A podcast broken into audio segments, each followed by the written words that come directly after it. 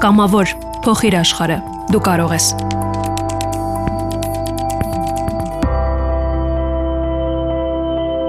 Արսեն Հարությունյանը ծնվել է 1996 թվականին Վայոց Ձորի Արենի գյուղում։ 2017 թվականին ընդունվել է Մխիթար Հերացու անվան պետական բժշկական համալսարան։ Երբ սկսվեց 44-օրյա պատերազմը, նա աշխատում էր Սուրբ Աստվածամայր բժշկական կենտրոնի COVID մասնաճյուղում։ Մենք ունենք հազարամյակներ տևած պայքար, ու այդ պայքարի մեջ ամեն սերունդ ունի իր թողածը կամ լավով կամ վատով։ Ու գիտակցել, որ մենք շարունակողն ենք այդ սերունդների, ու մենք պետք է շարունակություն տանք այն պայքարին, որը ունենք, դերակատարություն ունենանք պատմության որոշակի этаպում, որտեղ մենք ապրում ենք, մեր երկրի գոյության զարգացման համար։ Հենց դա էր առաջի պատճառը, երկրորդ պատճառը, որը մասնավորն էր նույն ասացիս, դա այն էր, որ իմ հայրը պատերազմի մասնակից ազատամարտիկ բժիշկ է։ Ես պարտավորություն ունեի ըստիս հորս ու հորս սերնդի առաջ դա այն էր, որ իրենց շահածը մենք կարենայինք պահեինք։ Երբ որ քո գլխին կա կախված վտանգ, այդ վտանգը հակառակորդի կողմից քո երկրի գոյության, քո գոյության, քո ինքնորոշման, քո ասկոչվելու իրավունքի դեմ է, ըստ իս յուրաքանչյուր հայ տղամարդ պետքա բռներ այդ ինքնորոշումը իր ազգայինը պահելու ուղին։ Արսենը պատմում է, առաջնագից գնալու համար երկար չի մտածել, բայց կամավորների շարքում հայտնվելն այդքան էլ հեշտ չի եղել։ Առաջինը, որ անում էի, մաքսիմալ շուտ փորձում էի հասնել պատերազմի դաշտ։ Մաքսիմալ շուտ կանգնել ընդե իրենց գործը կատարող մեր զինվորների կողքին ու մի քանի փորձեր եղան պատերազմ գնալու սեպտեմբերի 27-ից սկսած։ Դիմեցի զինկոմիսարիատ, զինկոմիսարիատում ոչ մի հրահանգ չկար, զինկոմիսարիատում եւս չգիտեին ինչա կատարվում։ Ուղղակի գրանցեցին տվյալներս ու հորդորեցին տանը սպասել։ Երբ որ տանը սպասում էի, երկրորդ տարբերակի մասին իմացա, Երկրորդ տարբերակը կամավորական շարժում գումարտակներ, որը պատրաստում էր Արցախ մեկնելու։ Դիմեցի այդ տեղով եւս, սակայն վերջնական ցուցակներում եւս անունս չկար, ու այդ միջոցով եւս չկարողացա գնալ։ Այդ ժամանակ արդեն զինկոմիսարիատներից մեկնում էին։ Նորից դիմեցի նոր-նորքի զինկոմիսարիատ, ու երբ արդեն ավտոբուսում նստած էի, վերջնական ցուցակները հստակեցնելուց տեսան ցուցակում, որ իրենց զինկոմիսարիատ ինչ եմ կցագրված, այլ զինկոմիսարիատի եմ կցագրված, ու այդ ավտոբուսից եւս իջա։ Իմ տեղամասային զինկոմիսարիատ դիմեցի, որպեսզի իրենց միջոցով գնալ ու դիմելու զուգահեռ իմացա Մեծ Տիգրան աշխարհազորային գնդից, որ պատրաստում են մեկնել պատերազմ, արդեն զենք զինամթերք ստանալու փուլում էին վերջնական հաստատված ցուցակներով, սակայն որպես բուժ աշխատող նաև կարողացա իմ անունը ավելացնել ցուցակին եւ նրանց հետ մեկնեցի պատերազմ Բայց այդ ընթացքում մի քանի տեղ դիմելուց որպես բուժաշխատող էիք դիմում, թե տարբերություն չկար էական իմ համար այդ этаպում, թե որպես բուժաշխատող կգնամ, թե որպես մարտիկ։ Իմ համար ավելի սկզբունքային էր այն, որ ինչ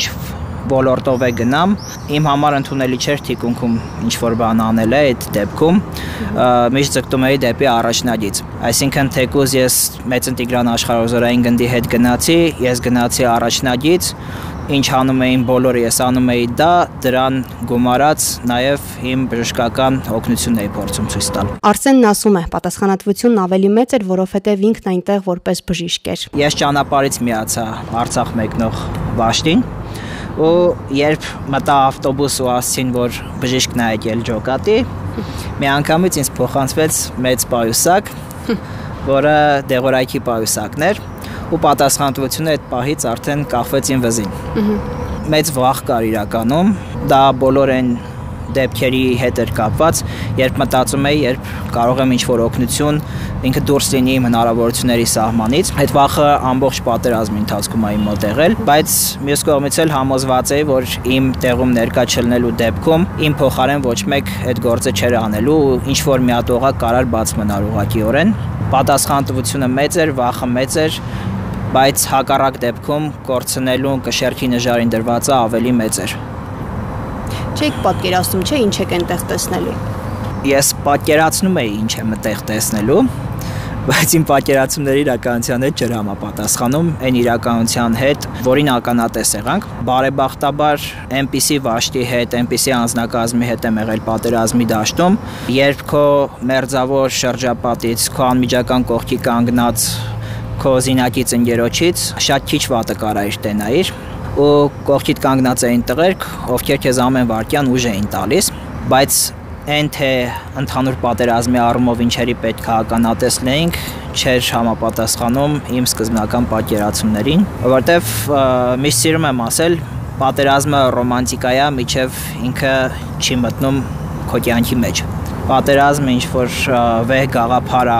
վեհարժեքների մասին է, բայց այդ վեհարժեքներից շատերը շատերի մոտ 0 են դառնում այն ժամանակ, երբ որ ուղակի իրանց կյանքն է դրված ելնում կշերքի նժարին։ Այդ ամեն ինչին ցավոք մենք ականատես եղանք ու ինչու ցավոք, որովհետև եթե այս ամեն ինչին ականատես լինեինք, բայց արդյունքը լիներ դրական մեր համար, ցավոք չենք նշի, որովհետև յուրաքանչյուր վեգաղափար ինքը զողողություններ է պահանջում ու այդ դեպքում մեր զողողությունները կարող են արդարացված։ Իսկ երբ որ ունենում ես զողողություններ առանց էական արդյունքի, առանց ձեռքբերումների, այդ դեպքում ցավով ես խոսում այդ ամեն ինչի մասին։ Ինչը չեք կարողանում ջնջեք ձեր հիշողությունից։ Կա ամենածանր, իհարկե պատերազմը ինքնին ծանր է, բայց ամենածանրը, որ հիմա էլ ձեր հիշողության մեջ է։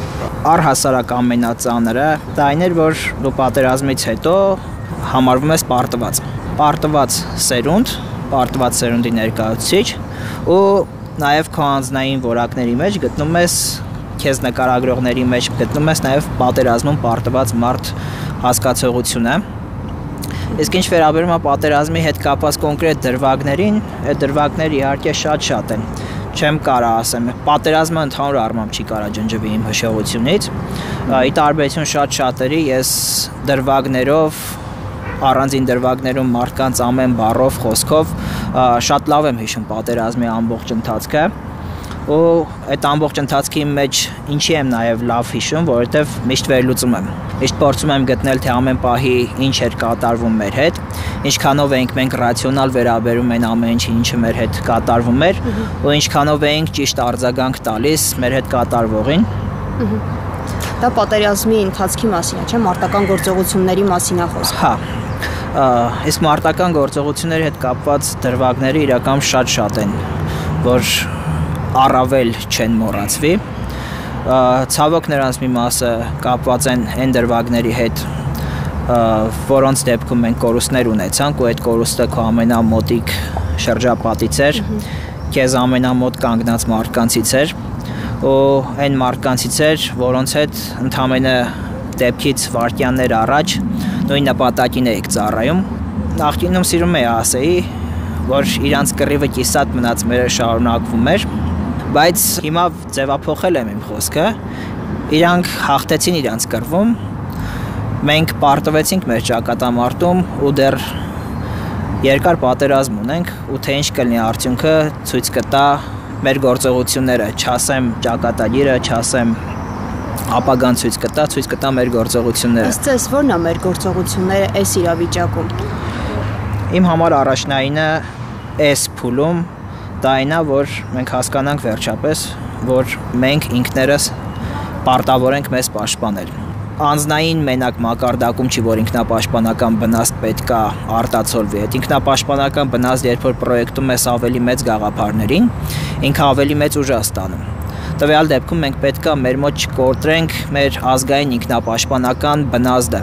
Ու եթե բնազդից մենք կարողանանք իրան ձևափոխել արդեն ինքնապաշտպանական հոգեբանություն կամ գաղափարախոսություն, հետագա քայլերը ավելի հեշտ կդրսևորվեն, որովհետև երբ որ դու իդես ինչի ես գնում, արդեն դու կգտնես այն տարբերակը, թե ինչ ձևով գնաս դեպի այդ նպատակը։ Ցավոք, ես այսօր Գուցեև պատերազմը ինձ վատատես է դարձրել, բայց ես այսօր չեմ տեսնում այն թելերը, որ որոնք տանում են մեզ այն ուղությամբ, որ մենք կարանք հասնենք այն նպատակին, կարանք հասնենք այն արդյունքին, որ այդ բնազդը մեր մեջ արտնանա, որ մնաց թե խոսանք որպես գաղափարախոսություն կամ որպես նպատակ դառնալու մեզ այսօր հերո չպահենք այն իրականությունից, որի մեջ ապրում ենք։ Շատ հեշտ է լինել առաջնագծից մեծ կիլոմետր հեռավորության վրա, թքած ունենալ այն փաստի վրա, որ մենք անցել ենք պատերազմի միջով, մենք ամեն վարքյան շարունակում ենք անցնել պատերազմի միջով ու ուղակի փորձել ապրել զուգահեռ իրականությունում, որտեղ այս ամեն ինչը չկա։ Առաջին հերթին մենք պետք է ռեալ գնահատենք, թե մենք ինչ ենք ուզում։ Ես որպես հայ ուզում եմ երկիր, ուզում եմ ազատություն, ուզում եմ ինքնորոշում, ուզում եմ այն ամեն ինչը, ինչը պատկանել է մեզ,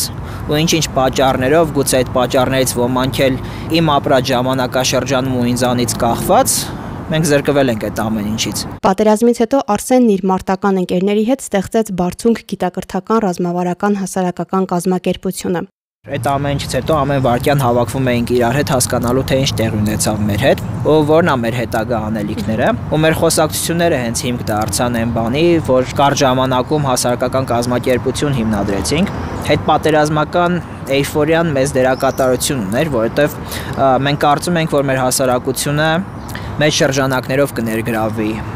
կամավորական աշխատանքի, հասարակական աշխատանքի մեջ կարծում էինք, որ պատմության ապտակը, մեր կյանքի ապտակը յուրաքանչյուրի մոտ իր հետ կկթողնի։ Այսօր կարող եմ փաստել, որ այդ ապտակը քչերի մոտ իրանց հետ կթողեց։ Միշտ սիրում էի հորս հետ հատկապես բանավեճերի մեջ ասել, որ գուցե մեր սերունդը պատերազմի դաշտում անհաջողության մատնվեց այն բանի համար, որ շատ տեղերում մեզ սխալ էին ներկայացրել ամեն ինչը, իրականությունը ճիշտ ձևով չէր մատուցվել մասնավորեցնեմ, երբ որ բոլորիս հոգեբանության մեջ, բոլորիս ականջներին արդեն սովորական խոսակցություն էր, երբ որ քո հակառակորդը թույլ է քո հակառակորդի զորու չի ինչ-որ բան անելու, յուրաքանչյուր դեպքում թերագնահատելը դիմացինին ու գերագնահատելը քեզ բերում է ինչ-որ ժամանակի ամպլիտուդի մեջ, երբ որ դու ավելի ցածր դիրքում ես կանգնում, քան այն օղակը, որին դու թերագնահատել ես։ Տվյալը անդրադարձավ մեր վրա։ Ու ըստ իս առաջինը հոգեբանական ֆակտորներ մեր անհաջողությունների,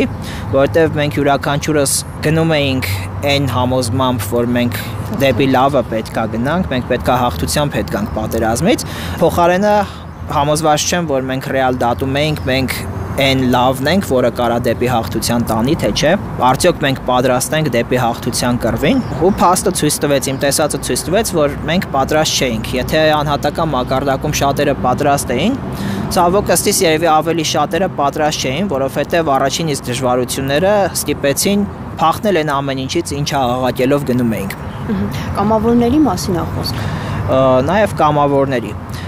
մենք իրականությունը չհասկանալու խնդիր ունեինք պատերազմ գնալուց յուրաքանչյուրը պատերազմ չտեսած մարդ պատերազմը այլ ձև է պատկերացնում բայց եթե դու աղաղակելով գնում ես պատերազմ որ հաղթության պետքա հետ գաս նախ քո տղամարդկային խոսքը պետքա քեզ թույլ չտա ուղղակի րոպեներ անց ժամեր անց հետ դարձի ճանապարհը բռնես թիկունքը ցույց տաս հակառակորդին ու մերկացնես քո ընկերոջ թիկունքը Պատերազմից հետո շատ էին խոսակցությունները, որ շատ կամավորական ջոկատներ, կամավորներ գուցե խանգարում էին նաև մարտական գործողություններին։ Ինչ է կարծում, այդպիսի բան կա, թե չէ, ու եթե հա, դուք տեսել եք, թե չէ, ձեզ մոտ եղել է, թե չէ։ Ես ինքս կամավորական վաշտի ներկայացուցիչ եմ եղել, ու կարամ փաստեմ այն, որ կամավորները, այն իրական կամավորները, ովքեր գիտակցող կամավորներ են, ոչ թե կամք են ունեցել իրենց շրջապատի մեջ աղաղակելու, որ իրանք պատերազմի մասնակից են, իրանք ովքեր գիտակցելով են պատերազմի դաշտ մտել, նրանք չէին կարող վնաս բերեն պատերազմին։ Գուցեև իրանք գործողությունները շատ տեղերում չի համապատասխանել ընդհանուր գործողություններին, բայց անձը, ով կամավոր գիտակցելով պատերազմի դաշտա մեկնել, ինքը գիտի ինչի համար է գնացել։ Գուցե սուր հնչի արտահայտությունս, եթե պարտադիր զինծառայողը ունի վերադաս հրամանատարություն, որից կախված է, որի հրամանից կախված է իր գործողությունները, կամավորների գործողությունները շատ դեպքում կախված չէին այդ վերադաս հրամանատարությունից։ Իրենք իրենց կամքով գնացել էին պատերազմ ու շատ դեպքերում իրենք իրենց կամքով էին որոշում գնալ առաջ, գնալ հետ, մնալ տեղում Ես չեմ կարծում, որ ինչ որ սցենարում կամավորականները կարան պատերազմի արդյունքի վրա ազդեցություն ունենան, վատ ազդեցություն ունեցած լինեն։ Միայն պրոյեկտելով այն ստորաբաժանման վրա, որի կազմում ես մասնակցում էի պատերազմում, նվազագույնը մենք վնաս չենք տվել պատերազմին, Փոխարենը կարող եմ ասել, որ համոզված եմ, որ այն ճակատներում, որտեղ եղել ենք, օգուտը կամավորական մեր ստորաբաժանումից եղել է, կամավորության հիմքում կամք բառն անկած ու կամքն է, որ մեզ դրթում է ինչ որ գործողության։ Գուցեև կամքի արկայության դեպքում մենք յուրաքանչյուրս մեծ արդյունքների հասնեինք ու համընդհանուր կամքի արկայության դեպքում համընդհանուր մեծ արդյունքի հասնեինք։ Կամքը ինքնին ոչ մի բացասական ասպեկտ ունեցող բառ է ու ինքը միշտ դեպի լավին է տանում։ Իհարկե, եթե կամքի հիմքում ընկածա լավ գաղափարը։ Հենց կամավորության հիմքում էլ կամքն է եթե մենք կարում ենք մեր կամքը տնենք այն ուղղության վրա, որը մեզ դեպի լավ կետի պետքա տանի, ու դառնում ենք այդ ճանապարհին կամավորներ, բնականաբար կամավորությունը դառնում է մեր կյանքի դեպի լավը դարձնող այն անբաժան օղակներից մեկը։ Զրույցն ավարտեցինք ու Արսենը շտապեց գրադարան։